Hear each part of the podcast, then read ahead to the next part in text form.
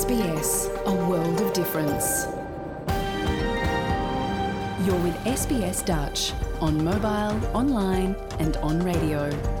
Dit is SBS Dutch op mobiel, online en op radio.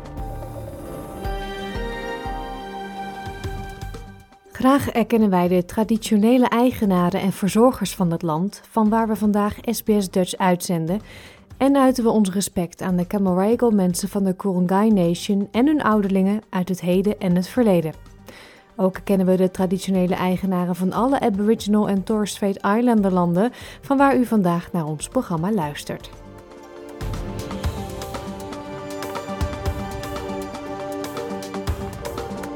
Een hele goede morgen, mijn naam is Paulien Roesink.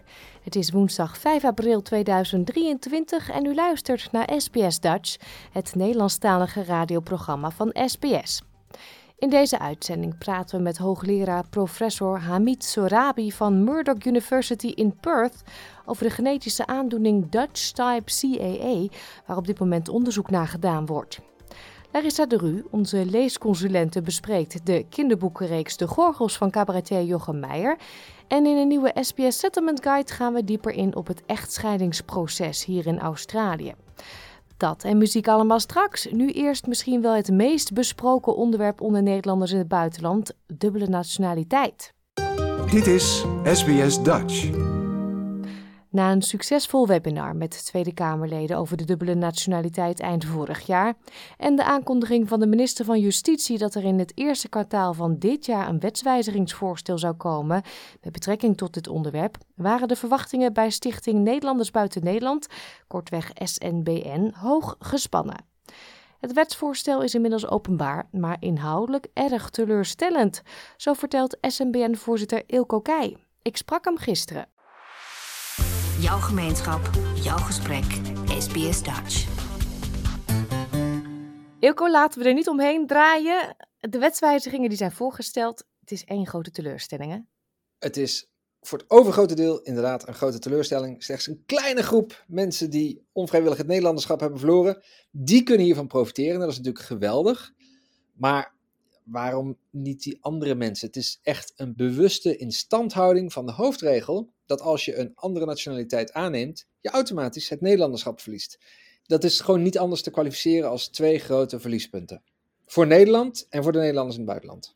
Nou, kan je er iets dieper op ingaan, dat opteren? Voor wie wordt dat mogelijk? Voor wie wordt het mogelijk? Precies. Heb je tussen 2003 en 2023 het Nederlanderschap verloren? Ehm, niet omdat je een andere nationaliteit aannam, maar omdat je je paspoort niet tijdig hebt verlengd, terwijl je buiten de EU woonde. Dus dat kan zomaar ook mensen in Australië en, Nieuw-Zeeland betreffen. Dan kun je gebruik gaan maken van een eenmalige herstelregeling die ze willen op gaan tuigen. Maar stel je hebt je paspoort niet uh, verlengd vanuit Australië en je hebt je Nederlanderschap onvrijwillig verloren op 31 december 2002. Ja, sorry, dan val je buiten de boot. Kijk, de meeste mensen die dit onvrijwillig hebben verloren, dat bleek ook uit het rapport van de Nationale Ombudsman in 2006. Dat is van voor die tijd. Natuurlijk zijn er ook een heleboel tussen 2003 en 2023, dat is zeker waar. Maar we hebben de afgelopen jaren met zoveel oud-Nederlanders gesproken en contact gehad en reacties van hen gehad. Dat gaat decennia terug. Dus welk probleem lossen wij nou op door die mensen uit te sluiten? En daar hebben we gewoon geen antwoord op. Ja, het is een beetje een doekje voor het uh, bloeden, zeggen ze dat zo? Ja, inderdaad. Uh, um, het, het, is, het is een heel beperkt gedeelte. Het is erg jammer. En natuurlijk, kijk, de meeste landen in Europa, die staan dubbele nationaliteit toe. En overigens niet omdat ze daar per se om staan te juichen, maar omdat ze gewoon zeggen van ja, dit is de werkelijkheid. Anno 2023, er zijn internationale samengestelde gezinnen binnen ons land, hè, binnen Duitsland, binnen Denemarken, maar ook in het buitenland. Dat is nu moment, men reist, uh, men krijgt partners in, in het buitenland, men komt weer terug of niet. Het is zoveel internationaler geworden in zo'n snelle tijd. En heel veel landen hebben de wetsbepalingen hierop aangepast. Maar willens en wetens weigert Nederland dat. Dus niet zo dat ze het niet weten. Nee, dan, en dan is het dus echt een kwestie van bewust uitsluiten. Dus de hoofdregel van eh, nee tenzij blijft overeind. Terwijl wij nou juist graag hadden gezien dat je had gezegd van ja, het mag, tenzij. En dat je dan beperkingen in gaat bouwen. Want iedereen begrijpt dat je ook niet tot een vijf generaties het Nederlandse paspoort door kan geven. Daar is niemand bij gebaat. Ja, er zijn misschien landen die dat doen. Maar er moet wel een bepaalde binding zijn natuurlijk. En, en dat is een hele eh, discussie waar andere landen al een stuk verder in zijn. Maar wij willen daar niet aan. En dat blijft een heikel punt. En ja, de vraag is dan natuurlijk ook, we hebben nou deze twee punten, een, winstpunt voor een klein gedeelte Nederlanders, oud-Nederlanders, twee verliespunten overal. Maar de vraag is ook natuurlijk, en die vraag had je ongetwijfeld anders ook gesteld, in hoeverre is het realistisch dat dit wetsvoorstel er komt? Want sinds vorige week, nee, sinds twee weken, leven we in een nieuwe realiteit in Nederland. Namelijk, er is een verschuiving qua politiek geweest met de provinciale statenverkiezingen. En het kabinet kan vallen doordat de besturen, de nieuwe besturen van de provincies, die nu gevormd gaan worden, echt een andere koers op willen. En dat zou dus kunnen betekenen dat als dit kabinet valt, dat dit wetsvoorstel ook van de baan is. Want dan komt het uit een kabinet dat, dat is gevallen. Dus pas over een nou, maand of vier, dan weten we zeker of dit wetsvoorstel überhaupt nog kans van slagen heeft om door de fases te gaan, de parlementaire fases die nodig zijn om dit wetsvoorstel ook echt aan te nemen. En bovendien, het kan natuurlijk nog aangepast worden. En dat zullen we als SNBN ook echt proberen te doen. We gaan proberen zoveel mogelijk die rijkwijde uit te breiden. Ja, want dat kan ik me inderdaad voorstellen. Als stichting gaan jullie die minister natuurlijk weer uh, opvolgen van... Uh, hallo, wat was dit? Wat is dit? We hadden hoge verwachtingen misschien wel. En, en dit, ja, is toch een grote teleurstelling. Ik heb zoveel mensen uh, online gezien naar ons vorige gesprek... Hè, waarin jij toch best wel hoopvol was dat er eindelijk iets ging gebeuren. Iets groters die met je meehoopte en hoopte dat die dubbele nationaliteit eindelijk eens waarheid zou worden, hè, zonder al die haken en hogen. Maar ja, dat, dat, dat is gewoon helemaal niet aan de hand. We hebben een aantal maanden geleden een webinar gehad met Kamerleden van verschillende politieke partijen, waaronder de meeste coalitiepartijen. En die toonden echt begrip.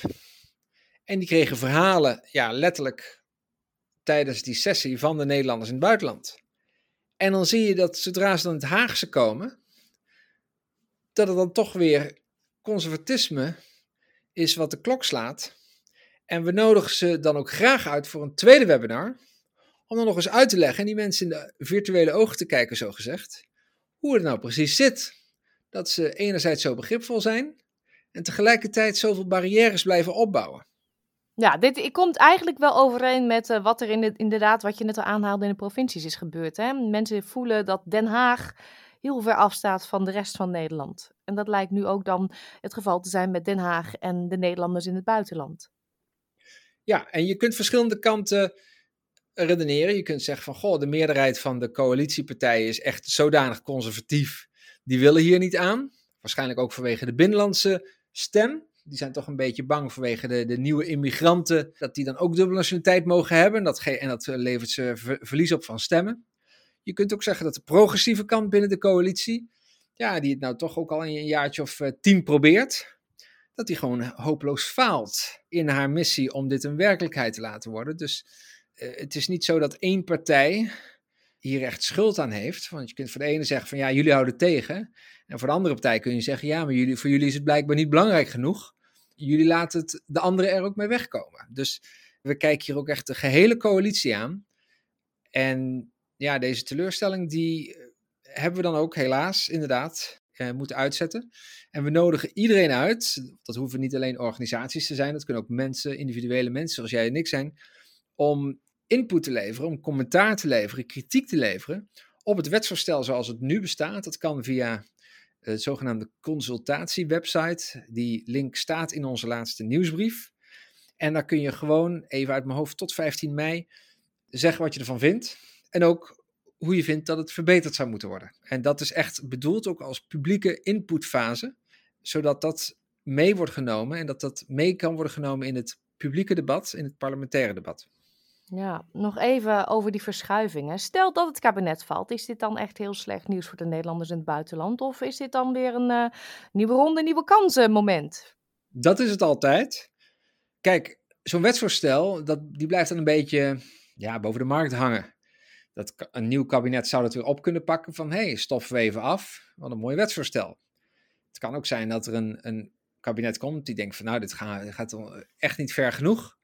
We gaan een ander wetsvoorstel doen. Het kan zijn dat er een kabinet komt die zegt van, nou, we doen gewoon helemaal niks. Dus in die zin is het een nieuwe ronde, nieuwe kansen. Um, ja, niemand kan er echt op hopen, want kijk, dit wetsvoorstel helpt natuurlijk wel een aantal Nederlanders. En dat is altijd fijn. Je kunt ook stapsgewijs toewerken aan je uiteindelijke doel. Want het is niet zo dat met dit wetsvoorstel dat we daar nou echt. Hè, je kunt er nooit echt op tegen zijn als er toch wat mensen worden geholpen, maar het is veel te weinig. Ja, dus de luisteraars die denken, dit gaat niet ver genoeg, laat je horen. De link waar Ilko het net over had, staat ook op onze website www.sbs.com.au Dutch. En ja, dan vertrouwen wij er allemaal maar weer op dat jullie met de stichting er weer volop tegenaan gaan om onze belangen te behartigen. En ja, dat is natuurlijk iets wat ik niet vaak zeg, maar als wij dit onder de aandacht willen blijven brengen, dan zullen we acties moeten ondernemen en dat willen we ook doen. En daarvoor hebben we nog altijd, we zijn een organisatie helemaal gedragen door vrijwilligers. Dus uh, donaties uh, blijven echt onze levenslijn. Want zonder die donaties kunnen wij geen verdere acties ondernemen die echt geld kosten. Denk aan nieuwe uh, krantenartikelen, um, advertenties of nou, radiospotjes, niet onbekend. Allerlei dingen waarvoor we echt geld nodig hebben. Daarvoor blijven we volledig afhankelijk van de steun van de Nederlander in het buitenland.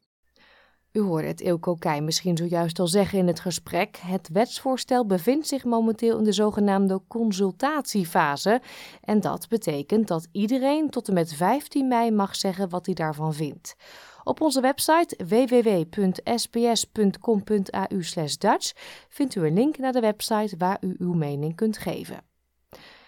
Nu het eerste liedje voor deze uitzending. Dit zijn Paul de Leeuw en Simone Kleinsma met Zonder jou. Researchers in Leiden en Perth doen momenteel onderzoek naar een erfelijke hersenziekte die kleine bloedingen in de hersenen, beroertes en cognitieve stoornissen veroorzaakt. Ze weten dat mensen met Dutch CAA, zo heet de betreffende genetische aandoening, vanuit Nederland naar Australië zijn verhuisd en de onderzoekers willen graag met hen in contact komen. Hoogleraar professor Hamid Sorabi van Murdoch University in Perth legt uit wat Dutch Type CAA precies is en waarom het belangrijk is dat meer mensen meewerken aan het onderzoek. Dit is SBS Radio Dutch. So you're working together with Dutch researchers from Leiden. Yeah. What are you researching at the moment? Yep. So um, there is a condition called cerebral amyloid angiopathy or CAA. Uh, this is a mouthful sort of you know uh, term, but it's quite serious because in older adults it results in brain bleeding or brain hemorrhage, and also it significantly increases the chances of someone's developing dementia later in their life. Um, however, there is a specific condition that is CAA or cerebral amyloid angiopathy, but it's seen in younger individuals. And this is only caused because of some mutations in specific genes. And one of these mutations result in what we call as Dutch type CAA. And why is it called Dutch? Yeah, well, that's that's a good question. Um, this is actually the most common form of uh, young onset genetic form of CAA. And it's uh, for the first time, it was identified in the Netherlands Ah. in a um, countryside uh, uh, place called Katwijk, if I'm pronouncing it correctly. Yeah, Katwijk. Uh, yeah, Katwijk. Uh, that's that's the one.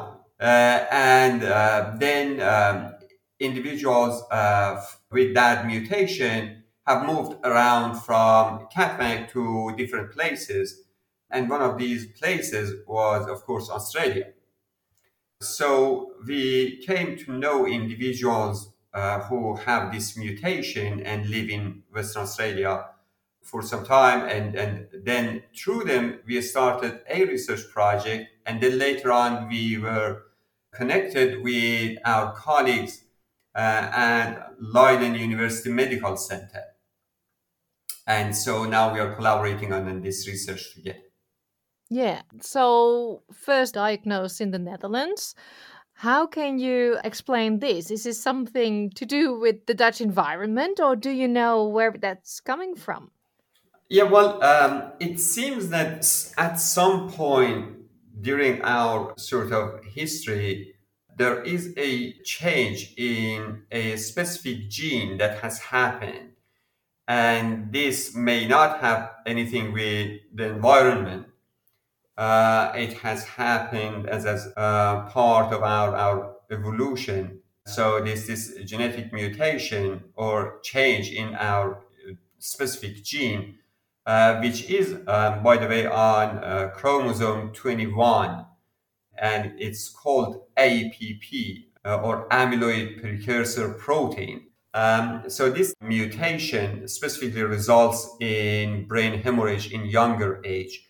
But if individuals live long after several hemorrhage or several strokes, then they will develop dementia.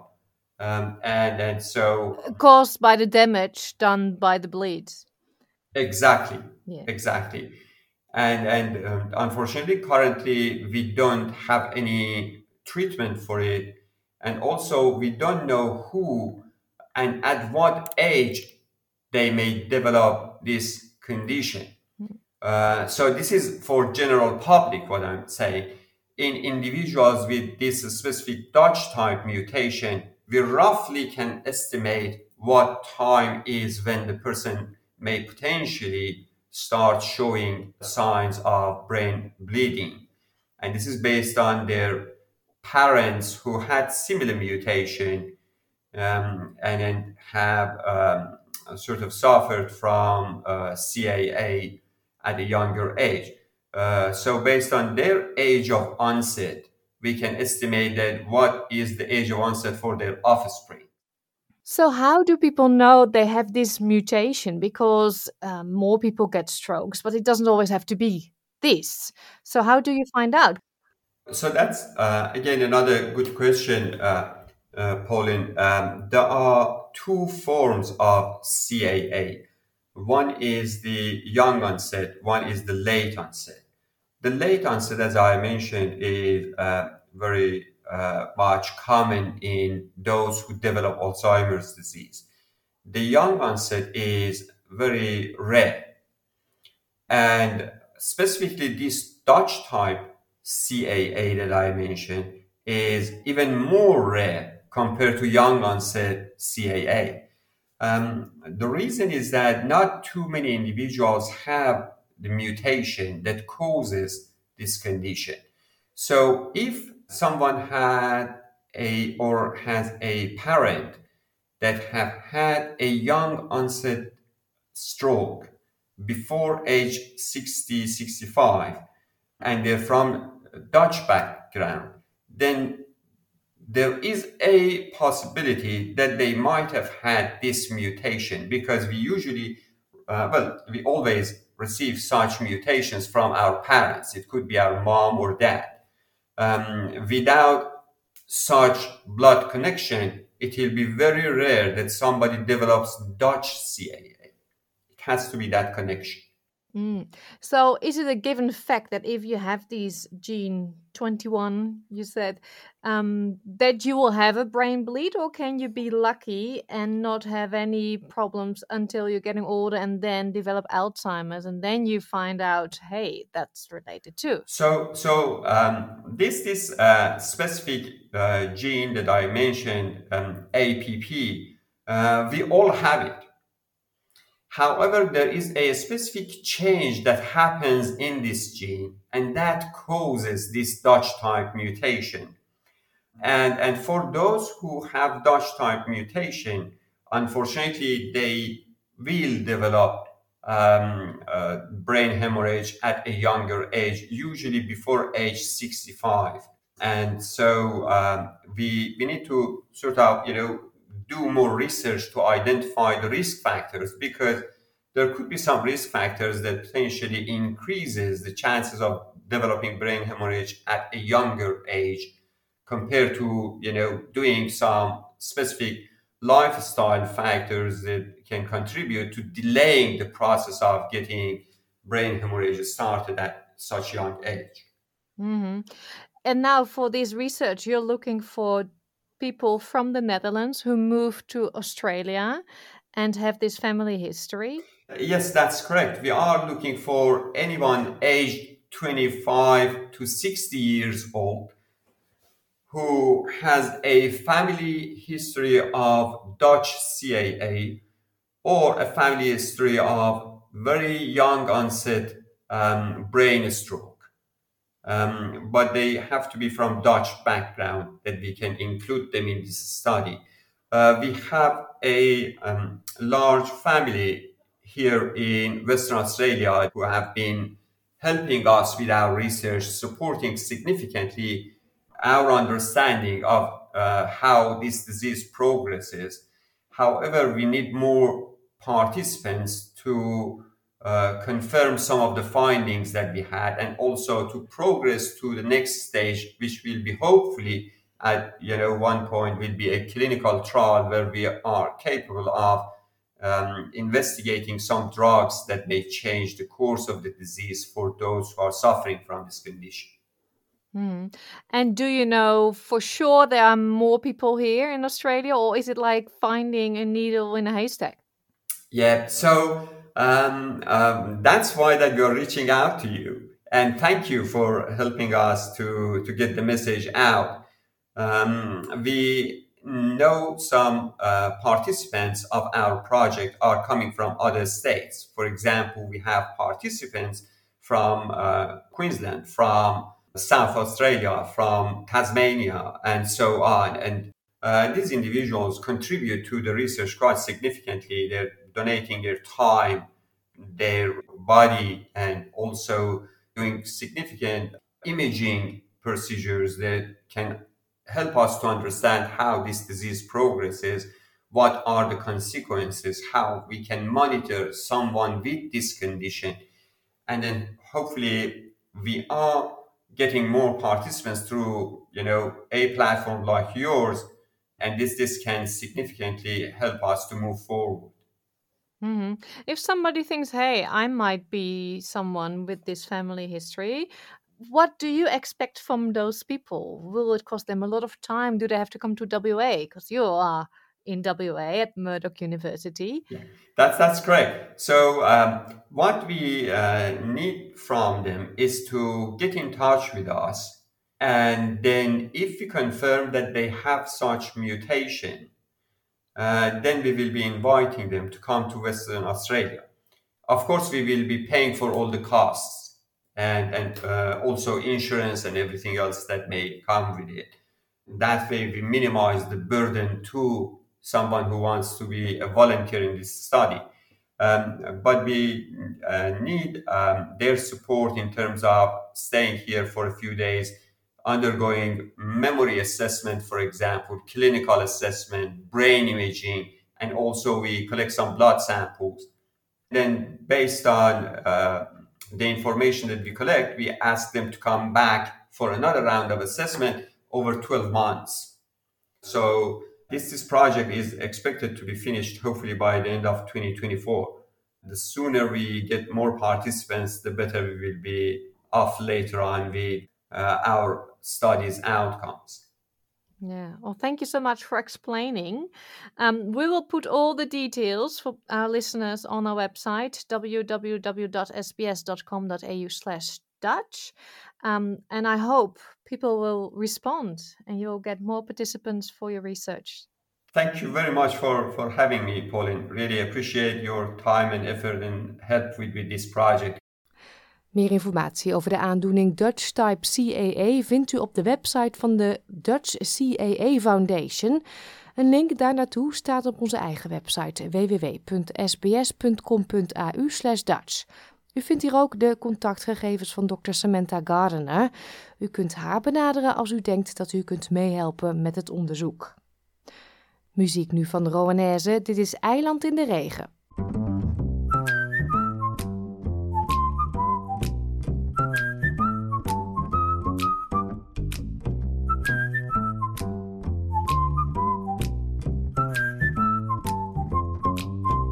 Tijd voor een nieuwe aflevering van onze serie over kinderboeken, de Boekenhut. Dit keer praten we met leesconsulente Larissa de Ru over het grote succes van De Gorgels. De reeks geschreven door cabaretier Jochem Meijer. SBS Dutch, woensdag en zaterdag om 11 uur 's ochtends of online op elk gewenst tijdstip.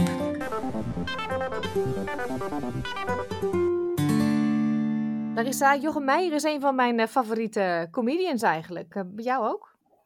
Nou, ik zou heel eerlijk zeggen dat ik niet veel van zijn werk gezien heb op comedian gebied. Wat? Ehm, jij zit natuurlijk helemaal in de boeken, dus jij kent hem weer eh, op een andere manier. En ik weet niet of heel veel luisteraars dat eigenlijk weten, dat Jochem Meijer ook kinderboeken schrijft. Nou, ik zal het je mooier vertellen, want ehm, hij is inderdaad kinderboekenschrijver. Maar ik heb laatst gehoord dat als hij tegenwoordig gevraagd wordt, van wat ben jij van beroep? Dat hij dan diep van binnen meer voelt dat hij kinderboekenschrijver is, dan dat hij voelt dat hij comedian is. Ja, ik heb een podcast met hem gehoord en hij heeft een beetje dat plezier van dat optreden, eh, was hij even kwijt. Volgens mij heeft hij recent een nieuwe tour aangekondigd. Maar inderdaad, dat kinderboeken schrijven, dat- daar zit heel zijn hart en ziel in natuurlijk op het moment. Ja, Het is inmiddels een reeks eigenlijk, hè? Ja, er zijn er een heleboel. Voor iedereen die het inderdaad nog niet weet, ehm, hij heeft de kinderboekenserie De Gorgels geschreven. Hij is daarmee begonnen. Het eerste boek is uitgekomen in eh, 2015. Ja, en hier in Nederland is het echt ondertussen een soort van eh, klassieker aan het worden. En ehm, ja, De Gorgels. Hij heeft het verhaal in, ehm, eigenlijk verzonnen voor zijn eigen kinderen. Uh, want die waren s'avonds dan bang om te gaan slapen. En toen dacht hij, ja, hoe kan ik ze daar eens mee helpen? En uh, zo zijn de gorgels ontstaan. Een uh, volkje van hele kleine wezentjes, die er dus voor zijn om kinderen te beschermen. Eigenlijk tegen alles wat hun ziek kan maken. Ja, wij denken allemaal dat we gewoon ziek worden van bacillen en daardoor snotneuzen en de griep krijgen. Maar eigenlijk gebeurt dat dus omdat we als kinderen, ik geloof ook eigenlijk als grote mensen in het boek dan, uh, aangevallen worden door de brutelaars. En daarom krijg je als kind een uh, gorgel. En waarom we dat allemaal niet massaal weten, komt omdat eigenlijk niemand ze kan zien. Dus dat is eigenlijk in het kort uh, de gorgels. Dat boek begint bij Melle. Melle die zit op een gegeven moment op een nacht, uh, in, midden in de nacht wordt hij wakker. En dan ziet hij dus zo'n vreemd wezentje op de rand van zijn bed. En het lijkt wel een bolletje wol, met armen en beentjes en twee harige punten oren. Maar als Mille het licht aandoet, is het wezentje alweer verdwenen. En uh, als hij erover vertelt op school, lacht iedereen hem natuurlijk uit. En zelfs zijn papa, die bioloog is, zegt dat het onzin is dat zulke wezentjes niet bestaan. Maar Melle weet zeker wat hij heeft gezien. En dat is eigenlijk hoe dat eerste boek begint. Wij kunnen elkaar zien als we dit opnemen. Ik heb ze allemaal laten zien. Ik heb ze allemaal thuis. Uh, we hebben zelfs ook een knuffel van zo'n waakgorgel in dit geval. Die dus s'avonds over de kinderen waakt. En ja, jonge meisje, maakt niet uit. Het is een hartstikke leuk verhaal. Ja, absoluut. En het wordt op school ook tegenwoordig heel veel gebruikt als voorleesboeken. En uh, ja, die kinderen gaan helemaal in mee in dat verhaal natuurlijk. Ook omdat, ja, je merkt ook dat kinderen zelf ineens iets hebben van... hé, hey, kan, kan ik ze dan ook zien? En uh, ja, ik ga natuurlijk niet verklappen waarom Melle dan wel dat gorgeltje kan zien. Want het is veel te leuk om zelf te ontdekken in het verhaal. Um, ja, en het zijn heerlijke voorleesboeken. Um, Alleen als je ze gaat voorlezen, moet je wel even aan je taaluitbreiding werken. Want uh, ja, er zitten echt allerlei hilarische uitspraken bij die in die gorgeltaal uh, horen. Uh, nou, Pauline, jij deed net al een hele mooie. Kopje mee. Ja, volgens mij is het iets van uh, Jubela Bam Bam. Dat klopt inderdaad, ja. En um, in de gorgeltaal zit ook een heleboel extra, um, of niet of wel, wordt ook heel veel gebruikt. En um, ja, wat ik er nog wel over kan vertellen is dat die gorgels die wonen als volk op een eiland. Er wordt dan niet echt verteld wat voor eiland. Uh, maar uit het hele verhaal blijkt eigenlijk wel dat het uh, Texel is. En dat is een eiland waar Jochem Meijer zelf heel graag uh, naartoe gaat. En um, nou, daar wonen de gorgels dus op het moment dat ze niet hoeven te waken. En in het Nederlands zijn dat alle maanden, um, ze waken in de maanden waarin de R in de maand zit. Nou, mijn kinderen vonden dat op een gegeven moment reuze interessant. En kwamen erachter dat het er heel veel zijn, maanden met een R in de maand. Um, ja, in het Engels houdt dat natuurlijk niet op, maar het is wel leuk natuurlijk wel even om de Nederlandse maanden voorbij te laten komen. Dat zijn natuurlijk de maanden dat we wat meer vatbaar zijn voor inderdaad die bacillen en alles. Inderdaad, ja. Hier dan natuurlijk de winter, herfst, winter, lente zelfs geloof ik nog wel een tijdje. Dus um, ja, en waar eigenlijk hoe we erop kwamen natuurlijk dat we hem deze keer wilden bespreken, de hele Gorgelserie, is omdat er afgelopen november is het uh, derde boek in de Gorgelreeks uitgekomen. En um, Jochem heeft zelf gezegd dat dit ook echt daadwerkelijk de laatste is in de reeks, omdat hij vindt dat het hele verhaal uh, nu verteld is. En eigenlijk met elk deel wordt het verhaal ook een beetje spannender dat is ook wel leuk om met je kinderen met die eerste te beginnen. Die is echt wel goed voor te lezen vanaf een jaar of vier, vijf. Um, en met dat die, um, met deel 2 wordt het al wat lastiger, want dan wordt de verhaallijn ook gewoon wat ingewikkelder. Dan gebeurt er ook iets in een ander land. Dan gaan ze daar op vakantie en daar blijken ook gorgels te wonen. En dit laatste deel, ja, dat is echt een dikke pil. Ik heb hem uh, meegenomen uit de Biep in november. We zijn er ook echt wel een tijd mee bezig geweest. En um, met elk boek wordt dus ook uh, de uitdaging voor de voorlezer groter. Want in dit laatste deel um, komen er dus ook uh, gorgels bij uit het noorden van Europa. Ja, en die praten dus ook echt met een ja, Noors accent. Dus dat is wel even voor jou als voorlezer een, een uitdaging. Zoals we als kleinkind altijd deden, rutte, flutte, knekken, brutten, maar dan op zijn gorgels ook nog. Ja, en dan moeten er ook nog woorden uitkomen in datzelfde accent. Dus uh, ja. nou, mocht je nou denken als ouder, god, dat laat me echt niet lukken. Um, de eerste twee boeken zijn in ieder geval ook als luisterboek al te krijgen. En dan worden ze voorgelezen door Jochem Meijer zelf. Ja, en dat is natuurlijk nog helemaal een extra element in het verhaal. Want hij leest het ook voor op de snelheid waarop hij praten kan. Ja. Dus dat wordt helemaal extra. Ik geloof niet dat het derde boek al beschikbaar is als voorleesboek. Of sorry, als luisterboek. Voorleesboek zijn ze natuurlijk allemaal beschikbaar. Ja. ja, jij haalde net al aan dat het waarschijnlijk, het voelt alsof het op Texel is. En dat is echt het eiland waar Jochem Meijer helemaal verliefd op is. De kinderen hebben ook de namen van zijn eigen kinderen. Ja, dat klopt. Ja. De, de twee hoofdpersonen uit het verhaal uh, zijn inderdaad dezelfde namen. En de juf in het eerste boek van Melle, die heeft de naam van, uh, van zijn vrouw. Inmiddels ex-vrouw. Ja, dat is inderdaad zo, hè? Wel heel uh, leuk dat een schrijver zoveel persoonlijke details in een, in een boek stopt. En ik denk dat dit ook wel heel erg duidelijk aangeeft dat dit echt zijn kindje is. Ja, en hij vertelde daar zelf ook in van dat er natuurlijk best wel veel bekende Nederlanders een verhaal gaan schrijven. Ja, dat hij dat wel lastig vond, omdat hij bang was dat mensen dachten: oh, dan moet er weer zo'n bekende Nederlander een boek schrijven. Maar dat dat iets is waar hij eigenlijk al heel lang uh, mee bezig is. En dus ook eigenlijk wel veel verder weer mee wil gaan. Maar hij vertelde ook dat het met kinderboeken schrijven voor hem net zo werkt als met een voorstelling maken. Hij moet dus een bepaald verhaal echt afsluiten voordat er dan iets nieuws komt. En uh, het enige wat hij misschien nog wil doen is een encyclopedie maken van alle gorgels en brutelaars. Moeten we waarschijnlijk eerst aan de kinderen gaan uitleggen wat een encyclopedie is? Dat is best wel een, een ding, ja. ja. ja. Heeft u ook aangekondigd of hij uh, nieuwe ideeën heeft voor een nieuwe reeks? Nou, dat, um, ik luister dus ook een podcast en daar vertelde hij in van ja, dat komt pas als het echt klaar is. Dus ik denk dat dat nu zo'n beetje gaat, uh, gaat borrelen. Heb je eigenlijk nog een fragmentje dat je kan voorlezen zonder dat je daar heel veel gaat verklappen van het verhaal? Ja, dat was best goed zoeken. Um, want hij zit wel al snel in elkaar dat je iets verklapt. Maar daarom uh, gewoon het allereerste begin van het allereerste boek.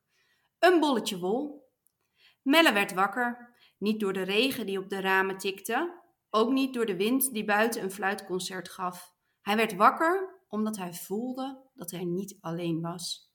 Langzaam opende hij zijn ogen. Zonder te bewegen keek Melle naar links. Door een kier in het gordijn zag hij de maan. Die leek op een koek waar iemand een grote hap uit had genomen. Melle tuurde door zijn wimpers naar rechts. Toen zag hij het. Melle moest zijn best doen om niet te schreeuwen. Er zat iets op de rand van zijn bed, vlak bij zijn hand. Het was moeilijk te zien. Het enige licht in zijn kamer kwam van het klokje naast zijn bed. Melle deed zijn ogen zo wijd mogelijk open. Hij dacht eerst dat het een spitsmuis was. Die had hij laatst in zijn biologieboek gezien. Maar daar was het te groot voor. Het leek nog een meest op een bolletje wol. Er zaten twee gespierde beentjes uit en twee armpjes die een houten stok vasthielden. De twee harige, puntige oren op het kopje bewogen langzaam heen en weer. Melle's mond viel open. Zoiets vreemds had hij nog nooit gezien. Zo zachtjes mogelijk verplaatste Melle zijn linkerhand richting zijn kussen. Daaronder lag zijn zaklamp. De oren van het wezentje stopten met bewegen. Melle moest nu snel zijn. In één handbeweging knipte hij zijn zaklamp aan en scheen op de rand van het bed. Hallo, riep Melle. Er was niets meer te zien. Het wezentje was opgelost in het donker. Hallo, riep Melle nog een keer. Is daar iemand? Hij sprong zijn bed uit en deed het grote licht aan. Hij keek snel onder zijn bed. Hij schudde zijn dekbed uit. Hij keek zelfs onder zijn matras. Even dacht Melle dat hij gek geworden was. Hij wist zeker dat hij niet gedroomd had. Zijn ogen logen nooit. Morgen ga ik dit tot de bodem uitzoeken, dacht hij. Toen stapte hij weer in bed en deed het licht uit. Ja, nou, ik zit er meteen in. Jij ook? Helemaal. Ik wil hem zo weer voorlezen. Ja, je zei het al. eh, deel 3 is een dikke pil. 1 en 2, eh, het wordt steeds dikker. Het wordt ook steeds ingewikkelder, zei je al. Binnenkort krijg ik deel 3, dus ik eh, kan niet wachten om dan ook uh, Scandinavisch te praten met eh, de gorgels. Dat gaat vast lukken. En ja, die is ook super spannend. Dus eh, veel leesplezier alvast gewenst. Alle kinderboekentips van Larissa zijn terug te luisteren op onze website www.sbs.com.au Dutch. Klik bovenin op de tab Luister en ga dan naar de serie De Boekenhut. Muziek nu, dit is Hendrik Haan van Annie M.G. Smit en Harry Banning.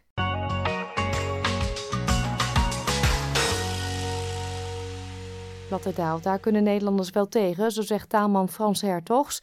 Nederlanders zijn namelijk altijd voor openheid en recht voor zijn raapheid.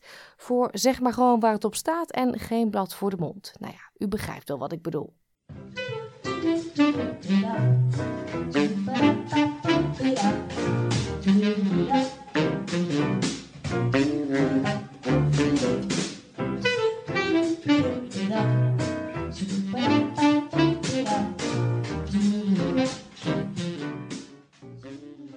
Mieters, Mietje.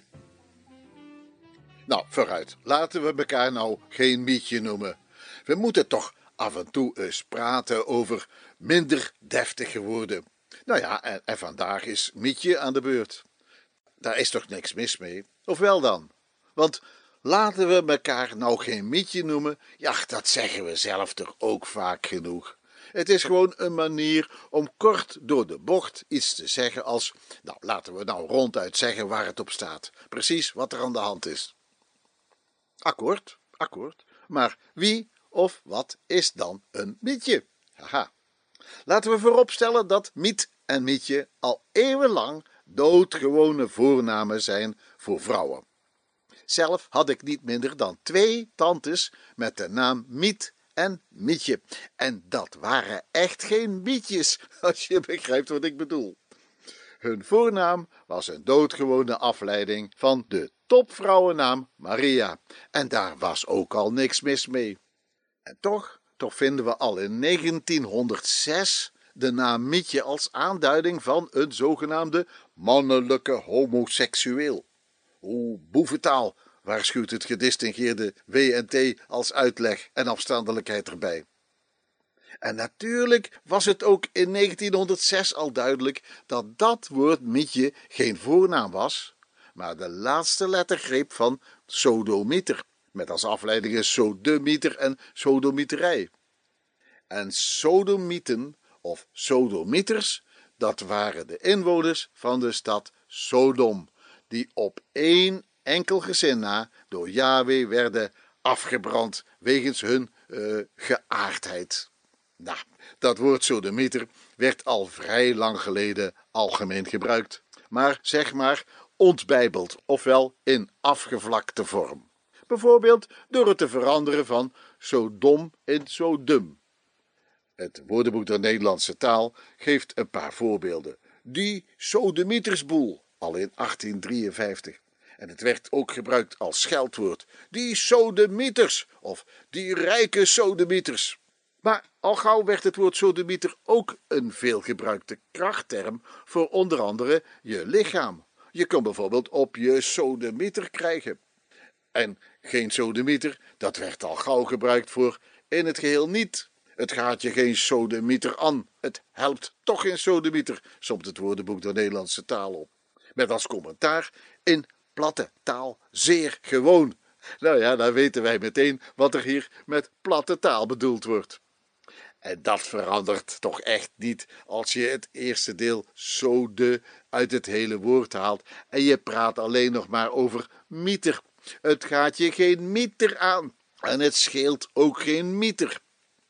Maar zulke afgesleten mooipraterij is misschien toch weer meer iets voor mietjes hoor.